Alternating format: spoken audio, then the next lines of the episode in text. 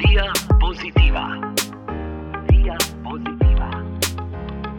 Via pozitiva. Prijazen pozdrav, dragi poslušalke in cenjeni poslušalci. Tokrat smo odšli pa v goste v Center starejših Notranje Gorice. Z nami je direktorica, magistrica Ana Petrič. Lep pozdrav. Lepo pozdravljeni. Gospa Ana, ste tudi doktorska študentka Fakultete za socialno delo, direktorica na kratko DEOS-a. Pa če na hitro opiševa vsak dan tega centra, se potem se bo verjetno ta misel prepletala skozi vsna in pogovor. Ja, zdaj, če sem čisti iskrena, ne, jaz sem svoj študij doktorski malo obesila na klin, zato ker takrat je prišel COVID in uh, sem se cele dneve s svojimi sodelovkami in sodelovci ukvarjala le s tem. Uh, tako da zdaj to malo čaka, sve se pa že s starejšo hčerko dogovorili, da ko ona zaključi svoj študij, uh, magistrski, da se pa mogoče potem skupaj podava na uh, doktorskega. V tem centru je zelo živo. Vaši stanovalci pričarajo to dušo te hiše, ampak ko ste me povabili v svojo pisarno, pa se najprej morda zaustaviva pri teh voščilnicah. Nisem sicer vedela, odhajava v kakšno delavnico ali kjer so neka ročna dela. Kaj je to? Mislim, da imate komaj da ta prehod do svojih, svojega stola in mize, kaj naj obkroža. Ja, to je zdaj res smešna situacija, zato ker v moji pisarni je kar nekaj tisoč voščilnic, eh, prazničnih pisem.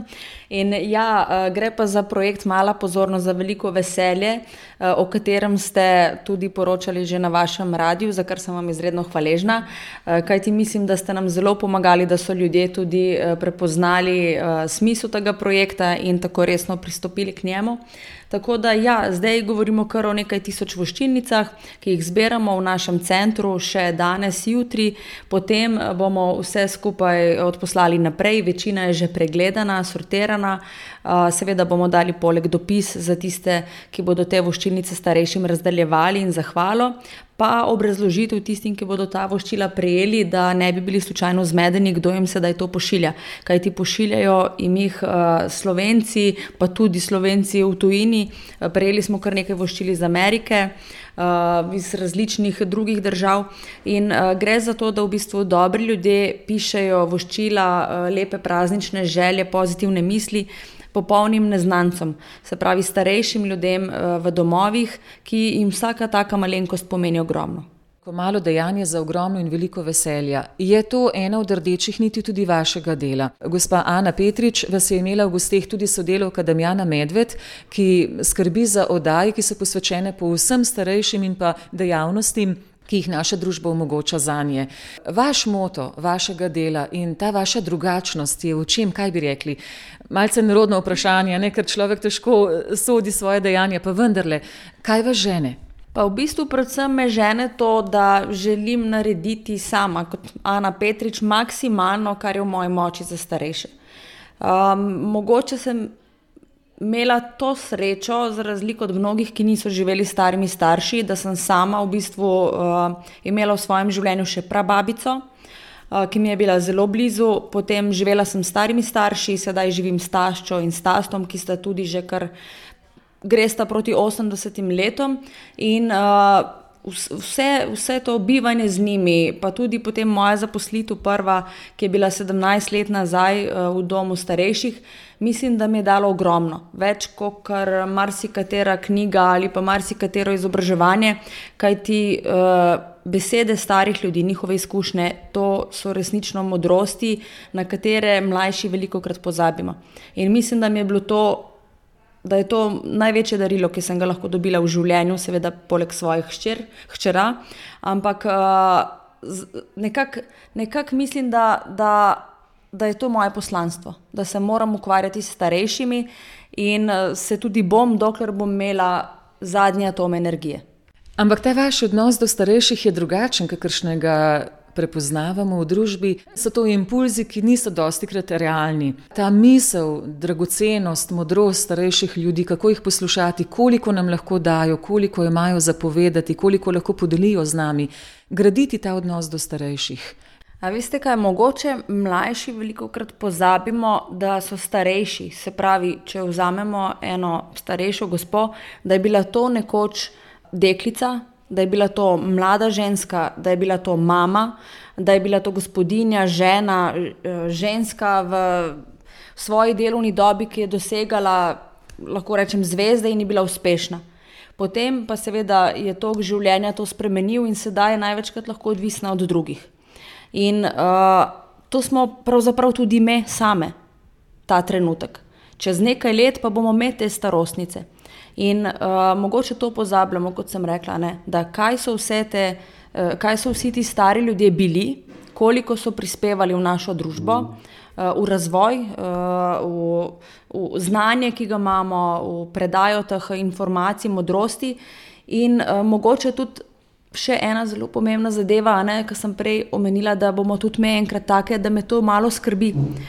Ker, kot ste vi rekla, ne, sedaj je družba malo drugačna ravnana, ne, imamo drugačne ideale, v zvezde se kuje mladost, lepota in tako naprej, ampak to je vse minljivo. Ostanejo odnosi, ostanejo um, lepa dejanja, in če ne bomo mi sedaj delali na tem, da to mogoče zbudimo ali pa nekako povrnemo, nas lahko resno skrbi, kaj bo, ko bomo mi te stare gospe.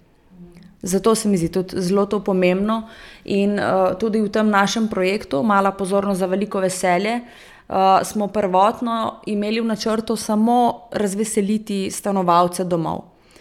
Ampak potem skozi leta pa se je izkazalo, da ta projekt v bistvu subtilno nagovarja tudi mlajše generacije k temu, da sodelujejo, da se povezujejo, uh, da mislijo pravzaprav tudi na starega človeka, ki mogoče ki v kakšni sobici ali pa v kakšnem domu uh, sameva in uh, je pravzaprav žalosten, ker nima nikogar, ki bi se na njega spomnil.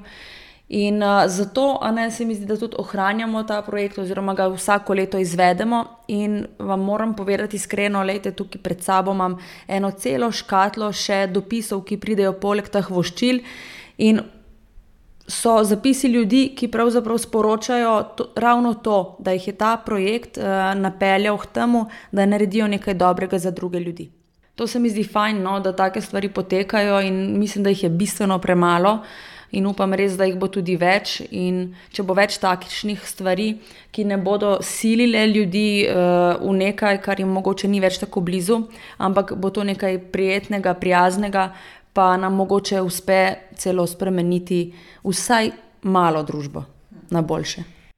Pa tudi je ne vse pisano na roko, običajno, mislim, da osebna nota, koliko je vredna.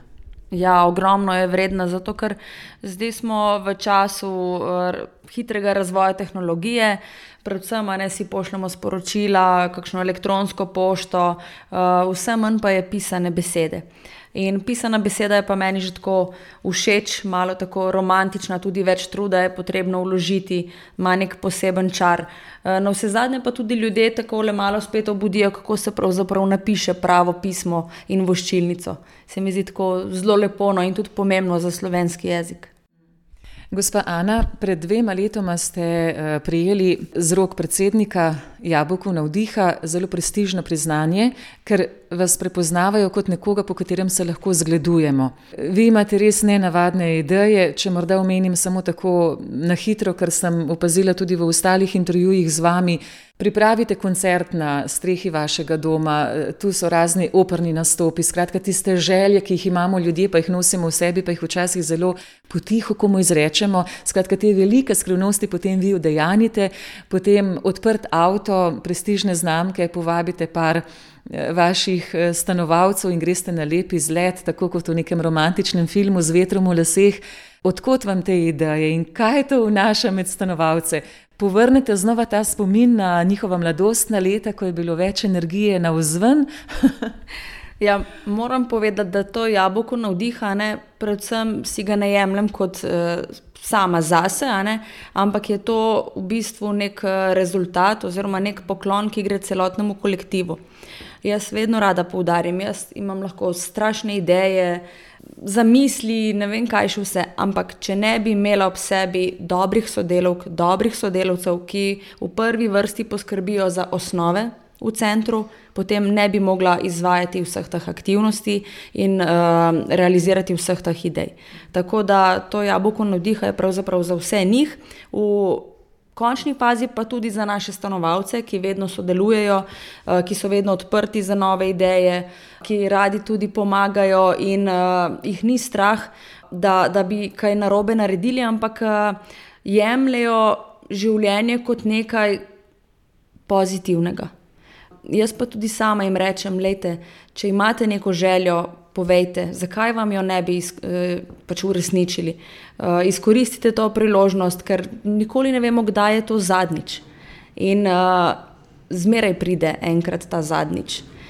Tudi sem imela nekaj žalostnih zgodb, ko mi je kakšen zaupal, kaj si želi, pa ni dočakal tistega dneva. Ko je bilo že vse dogovorjeno, da ga bomo pelali zadnjič na izlet, Naprimer, ena moja zelo ljuba gospa je imela raka v zadnjem stadiju in je želela, da jo pelem še na morje, in sem bila tudi že vse dogovorjena, no pa ni dočakala. Čez par dni, malo pred tem, je nažalost umrla. In uh, takšne stvari se mene zelo dotaknejo. Mislim, da je najmanj, kar lahko naredim za te naše stanovalce, da če si nekaj zaželijo, pa če je v moji moči, da to izpolnim. Tako da upam, da bo tako tudi za vnaprej. Kar se pa tiče teh aktivnosti, pa vsega tega, pa jaz tudi gledam, ne, da uh, ne vidim starost kot overo, ampak kot izziv. In mogoče ravno zato, ker uh, doskrat mogoče niti sama ne bi uh, izvedla kakšne take stvari, ampak potem si rečem, mogoče pa ne, je res tisto, samo še pikica na i, kar je treba nekomu narediti, da umeru odide. Gospa Ana Petrič, direktorica Centra starejših Notranje Gorice je z nami, eh, magistrica Ana Petrič, kako pomembna vam je pa klima? Priznam, da nisem prav pogosta obiskovalka eh, domov starejših, ampak tiste, ki obiščem, pa vendarle že zaznam neke razlike. Tule v vašem so vsi, ki tu delate, vsi po vrsti so me pozdravljali, se zaustavili, to pa je neka posebnost. No? Skratka, ta klima v kolektivu, ta odprtost, ta radoživost, da se za neko Ja, dobesedno radoživost odločaš iz dneva v dan, ko stopiš v to hišo. Se o tem pogovarjate ali se to zgodi, kako dosežete to klimo? Ja, jaz to kar jasno in glasno povem. Jaz sem sicer notranka, ne, iz Begun pri Cerknici in moram reči, da sem imela kar veliko težavo, ko sem šla v Ljubljano v šolo, ker sem ljudi pozdravljala. Ne. Nisem bila vajena tega. Mi smo iz majhnega kraja, kjer se vsi pozdravljamo, če ne drugače, vsaj pokimamo z glavo ali pa si izmenjamo pogled na smeh.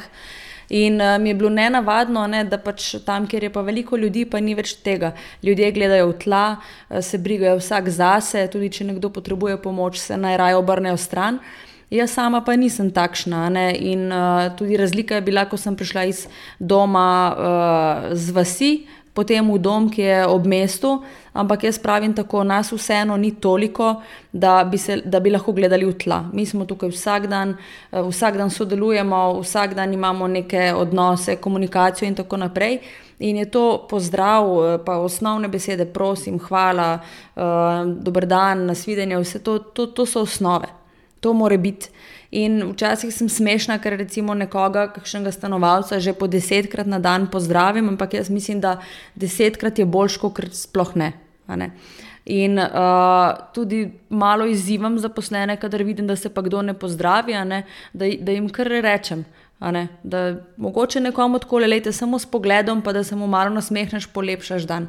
Če greš pa vse na mrgoden mimo, pa mogoče zač, že začne razmišljati, kaj je na robe storil, ali ima tam mogoče kakšen kratek stik ali kaj na robe ali tako naprej.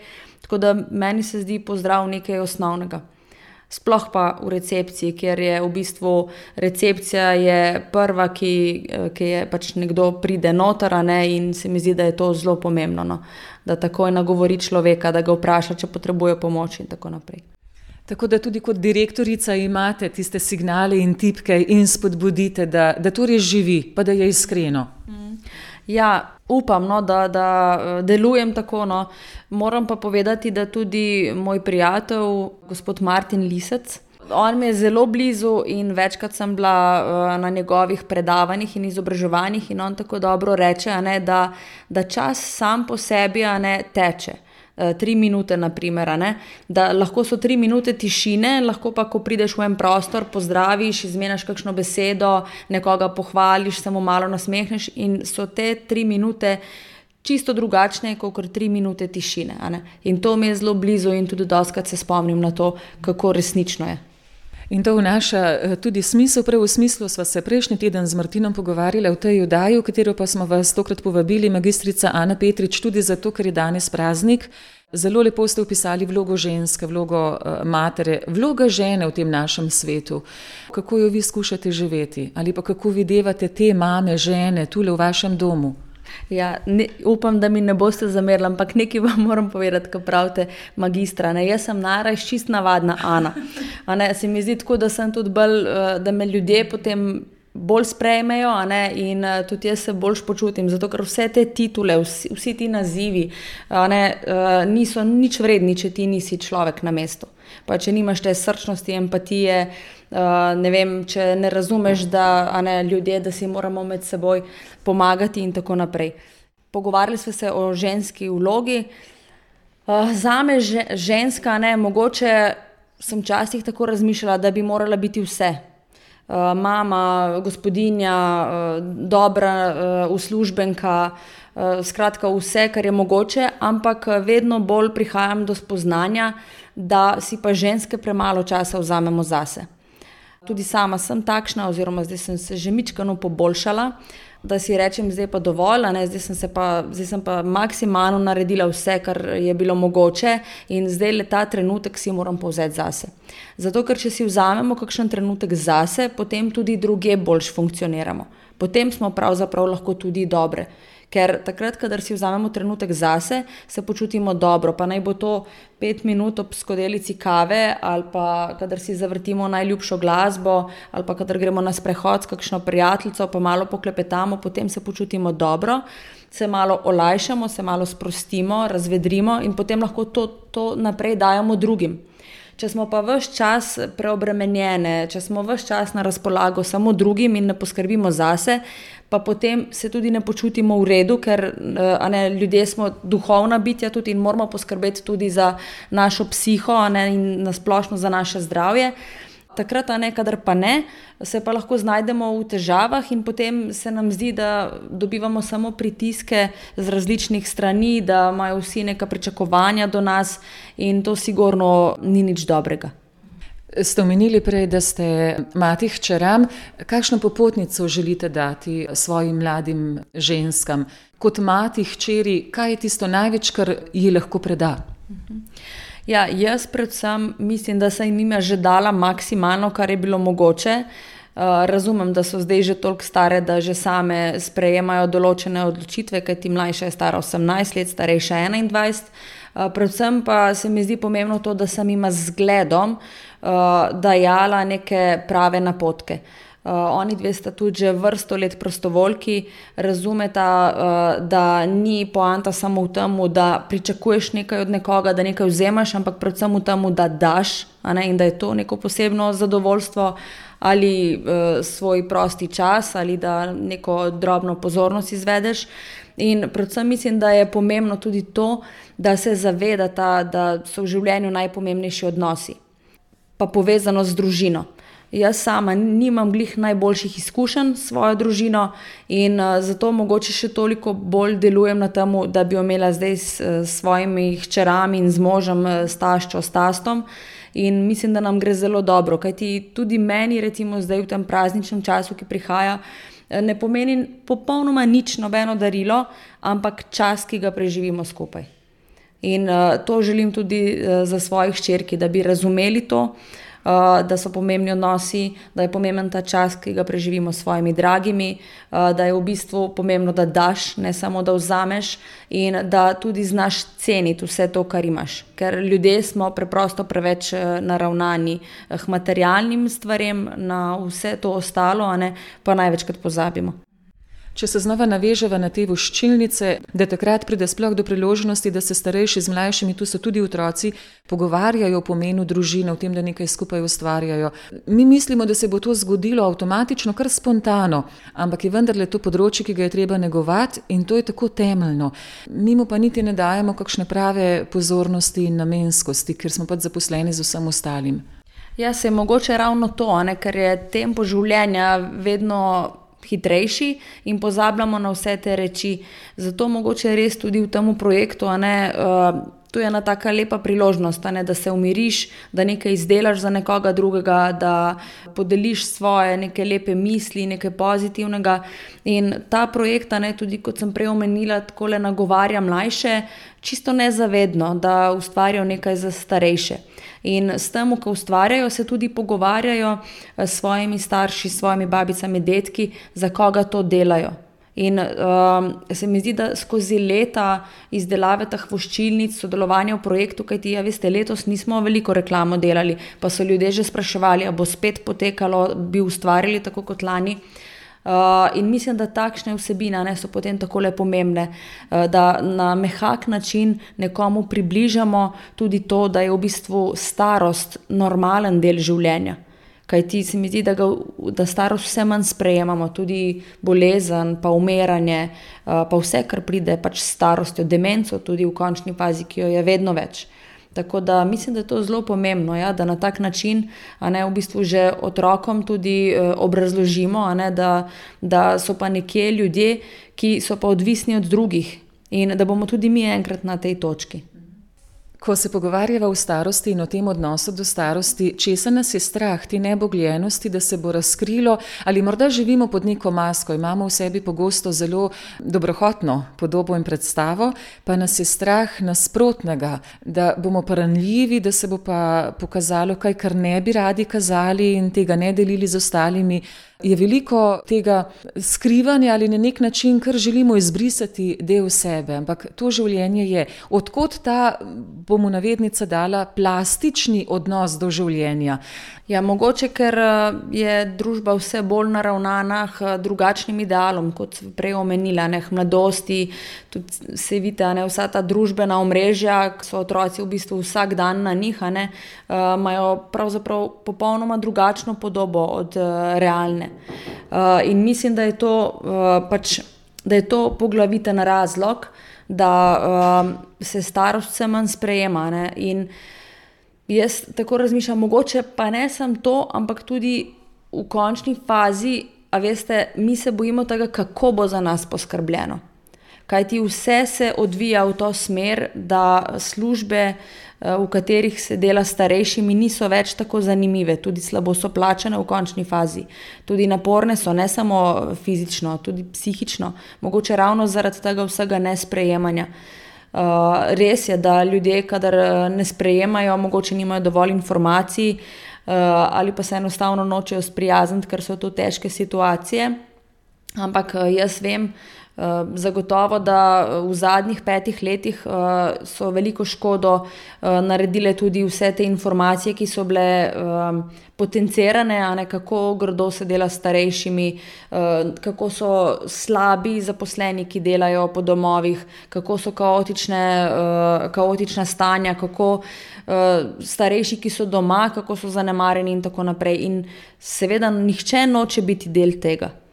Tako da mislim, da je tudi to posredno krivo, eh, vse te slabe informacije, negativne, eh, pač, ki so bile izražene v vseh teh letih, da se vse manj ljudi odloča za, za ta dela. Dvakrat so že trkali, pa verjamem, da bodo še, ker eh, imamo še nekaj minut najnega pogovora. Gospa Ana Petrič, ko omenjate zdaj to problematiko, pri starosti, kakšni pa so starostniki v resnici, ker veliko imamo predsotkov, ne ljube zgodbe si radi podelimo, ker potrebujemo neko tolažbo in razumevanje in to že najdemo. In nažalost, no, mediji bolj kot ne so pozorni na te zgodbe, češ v neki razlagi, zato ker mi smo tu, naše poslanstvo je, da rešujemo. Vse lepo in prav, ampak kot ravnotež bi pa vendarle zelo dobro bilo slišati pa tudi tisto lepo, ki ga je morda še več, ne kot tistih grenkih primerov. Kakšni so, vi jih pa res veliko poznate, ste jih poznali in jih spoznavate vedno znova, kakšni so starostniki v resnici, glavnina njih? Ja, meni je najbolj všeč pri njih to, da nimajo filtra, vsaj večina ne. Oni povejo tako, kot je, ne premišljujejo o tem, ali jim bo kdo zameril, ali bo kdo užaljen, ali kako koli, ampak ti bodo direkt povedali, ali imaš grdo krilo, naprimer, ali pa lepo, ali si se zredil, ali se pa nisi. Uh, kakšne take, ne, mogoče zelo zanimivo je tudi to, to se ved, vedno nasmijimo in tudi jaz tim to, kar direkt povem, ne, da v bistvu mislijo, da še petajo, ko se tako le pogovarjajo, v resnici pa zelo glasno govorijo, ker večina sliši, zato tudi mi vsi okrog njih dobro slišimo, o čem se pogovarjajo in kadar nas malo ogovarjajo. In meni je zelo všeč to pre njih, no, ker kar direkt izstrelijo, kar si mislijo in največkrat je to zelo hudomušno. Tako da sicer pa meni so izredno zanimivi, mogoče ravno zaradi vseh teh njihovih izkušenj, ki jih imajo, zaradi njihovih življenjskih zgodb, ogromno se lahko od njih naučim. Eh, je pa tako, da. Kot ste rekla prej, da imamo neke predsotke, ne? Eh, niso vsi starejši nebogljeni. Ne? Če je nekdo, recimo, bil celo življenje, naprimer, če čisto domače rečem, žleht, se bo tudi ta žlehtnoba potencirala v starosti. Če je recimo nekdo eh, zelo rad zganjal eh, dramo, jo bo potem tudi v starosti še bolj.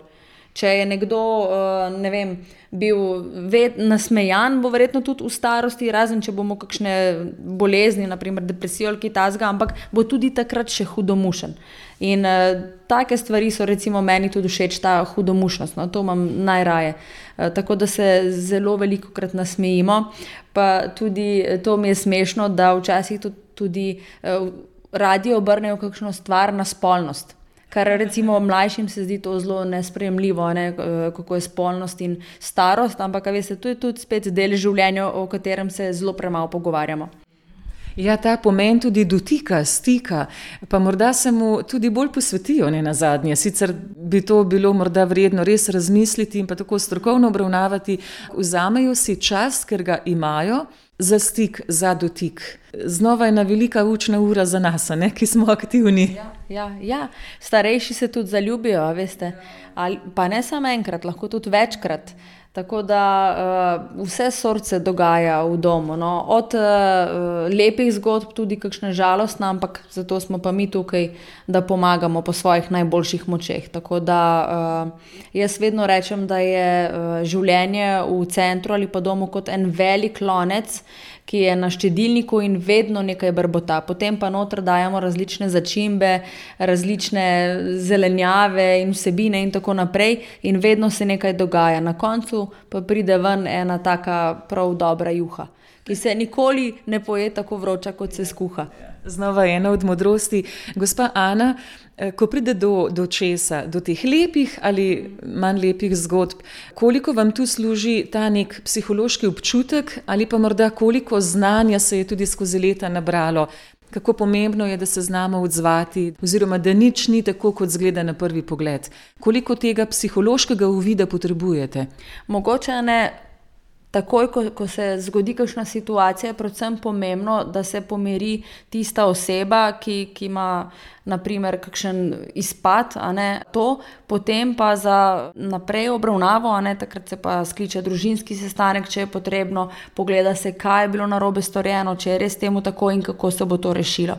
Jaz mislim, da je potrebno prav vsako najmanjšo težavico obravnavati resno. Kaj ti, če se jo ne obravnava resno že takoj, ko se zgodi, da bi se slučajno kaj pometlo pod preprogo, bo to slejko prej prišlo na plan, pa verjetno še v veliko večji in hujši obliki, kot bi sicer, če bi se takoj rešili, pač lotili reševanja. To se mi zdi pomembno. In tako kot sem rekla, pač.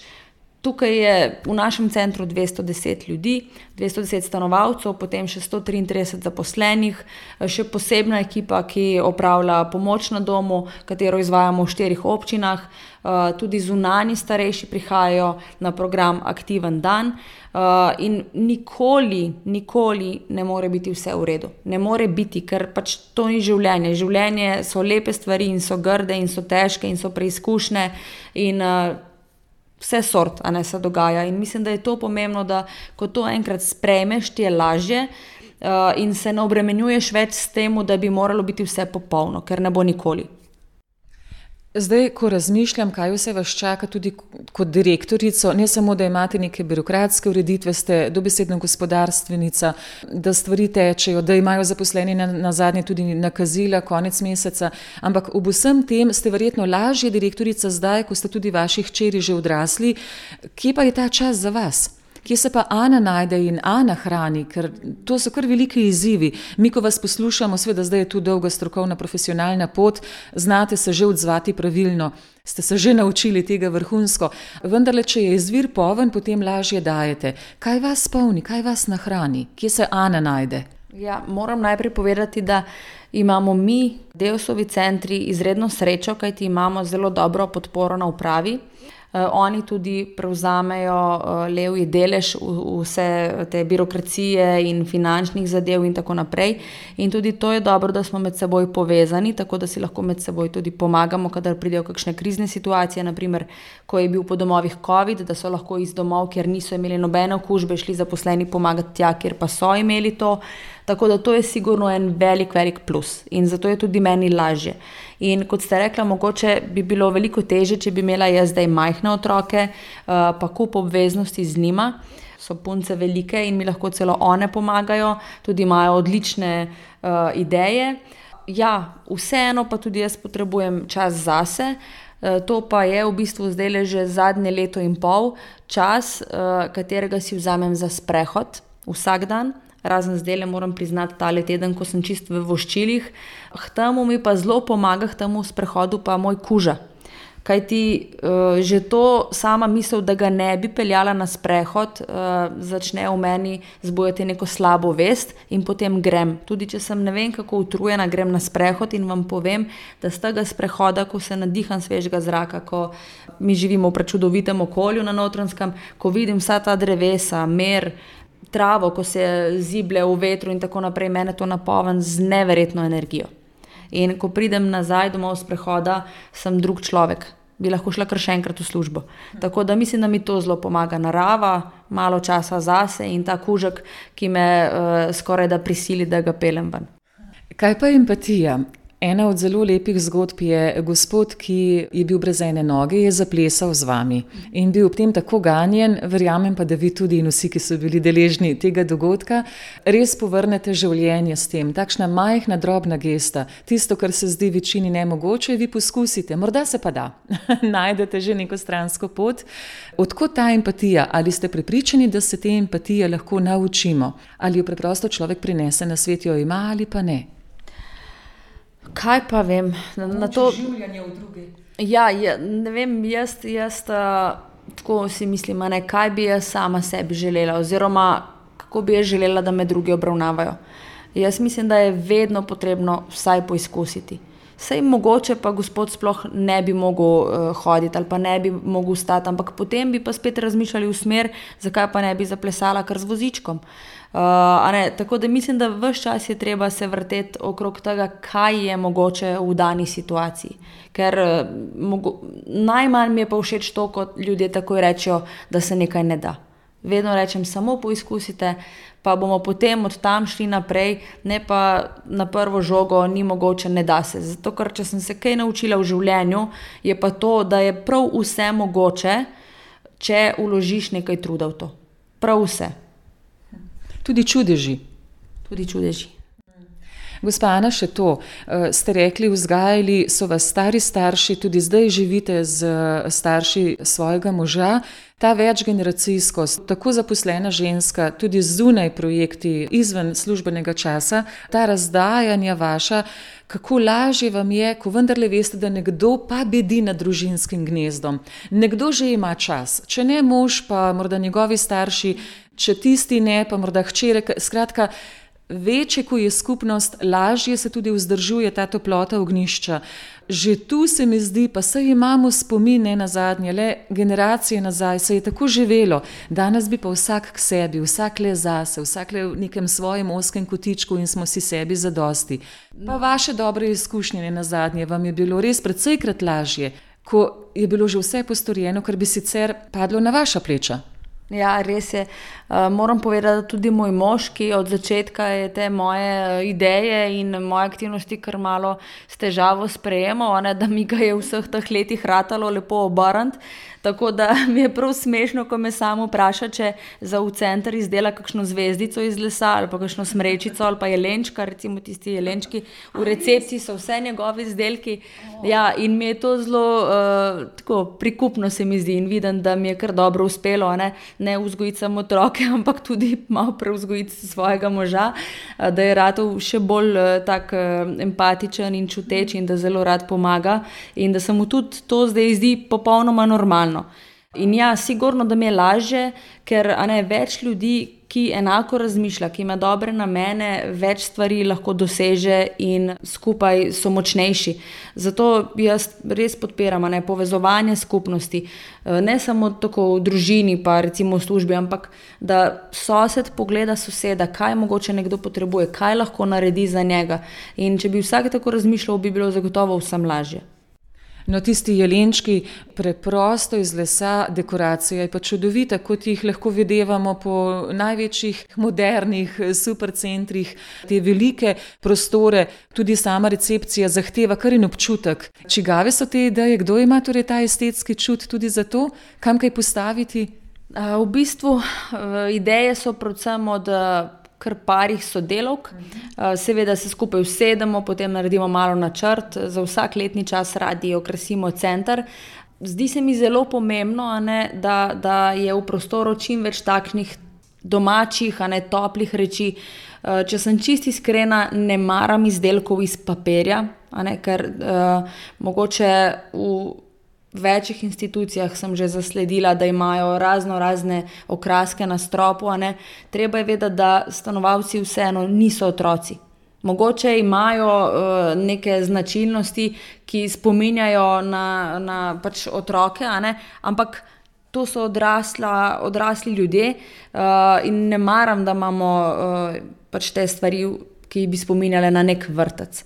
Zato se mi zdi bolj pomembno, da vključimo te elemente, les, eh, potem eh, razno razno suho cvetje, eh, drugačne okraske, mogoče luči posebne, blazinice, aranžmaje na mizicah in tako naprej. To se mi zdi zelo pomembno tudi zato, ker potem tudi oni se počutijo dobro, prostor pa je videti tako bolj domač, kot so imeli doma. Ne kot neka stavba, kot nekaj, ne, nekaj praznega. Se mi zdi, da to potem vsi ti majhni elementi napolnijo prostor. Ja, zelo lepe dekoracije imate, prav gotovo, tudi v centru starejših notranje Gorice. Gospa Ana Petrič, kakšen bo danes vaš dan? Zdaj, ko vam jaz rečem najlepša hvala in grem svojo pot, saj tele pogovor bodo poslušalci eh, slišali, ko boste vi morda na poti iz službe proti domu, to je že prav, da iskreno povemo. Tokrat smo šli v goste, kot smo rekli v vodoma, vas nismo povabili pred eh, studijski mikrofon, ker preprosto ni bilo časa. Ta teden je bil res, ste rekli, noro, od jutra do večera. Hvala za te dobre pol ure, ki ste jih namenili nam. Kaj vas vse čaka, kakšen bo ta dan in do konca leta?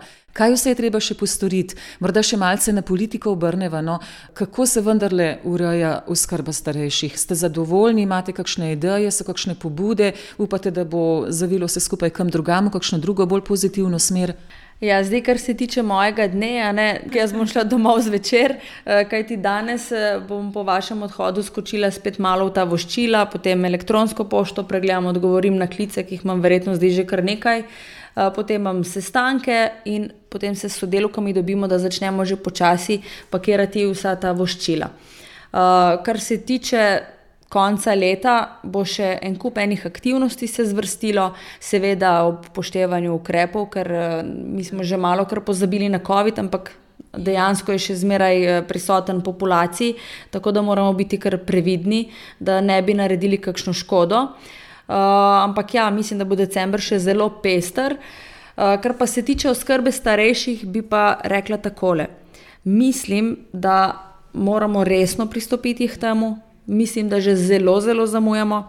Kaj ti skrbi me, kdo v nadaljevanju, uh, v prihodnje bo sploh še delal s starejšimi, uh, če se situacija ne bo izboljšala. Pa uh, ne govorim tukaj samo o delovnih pogojih, ampak tudi o plačah, uh, tudi o tem, da uh, bi morali malo bolj spoštovati vse ljudi, ki delajo s starejšimi, tudi v končni fazi svojce, ki doma skrbijo za starejše, ker to ni tako lahko delo. Mogoče ne, se bo vse to začelo spreminjati takrat, ko bomo razumeli vse to. Uh, da pač ljudi, ki bi delali starejšimi, enostavno ni več. In jih tudi ne bo, če ne bo sprememb. Uh, tako da apeliram na vse tiste, ki mogoče imajo moč, pa lahko karkoli spremenjajo, mogoče na politiko, ne jaz verjamem, da bodo. Tudi uh, za nazaj lahko rečem, da so vse storile neke stvari, ampak enostavno je starejših v Sloveniji vse več. Uh, um, nimamo pa urejenih nekih eh, financiranj, ki bi lahko pokrivala vse to. Tako da to je pa velik izziv za naprej in upam, uh, da ga uh, politiki, ki je sedaj, uspe rešiti. Gospa Ana Petrič, zdaj pa kot ženska žensko spodbujam, upogumite nas, da bo več takšnih žensk, kakršni ste vi da bi bile pogumne, sebi zveste, da ne bi imele teh filtrov, ne, ki jih ponuja tudi sodobna, ne samo tehnologija, ampak družba nasploh, eno močno spodbudo danes v prazniku. No, pa ker sem že toliko govorila, bom čisto na kratko povedala vsem ženskam, da naj poskrbijo tudi zase. Ne samo za druge, naj se ne razdajajo preveč, ampak naj v prvi vrsti pomislijo na sebe, ker če bodo one same zadovoljne, bodo zadovoljni tudi vsi ljudje okrog njih. Tako da uh, upam, da se spomnijo kdaj na to, kar sem jim rekla, in da me upoštevajo. Ja, zato, ker če imam eh, svoj izvir napolnjen, potem ga z veseljem lahko razdajam in se iz mene priliva tudi na ostale. Gospa Ana Petrič, direktorica Centra starejših notranje Gorice, iskrena hvala za vse te vaše navdihe. Verjamem, da boste deležni dobrih besed še leta in leta, predvsem pa teh širokih nasmehov tukajšnjih eh, vaših sostanovalcev. Uspešno delo še naprej na res uspešna leta, ki sledijo. Ja, najlepša hvala vam. Eh, enako želim tudi jaz vam eh, uspehov in vsega dobrega tudi vsem vašim poslušalcem. Tako da hvala vam in hvala za obisk. Via positiva. Via positiva. Via positiva.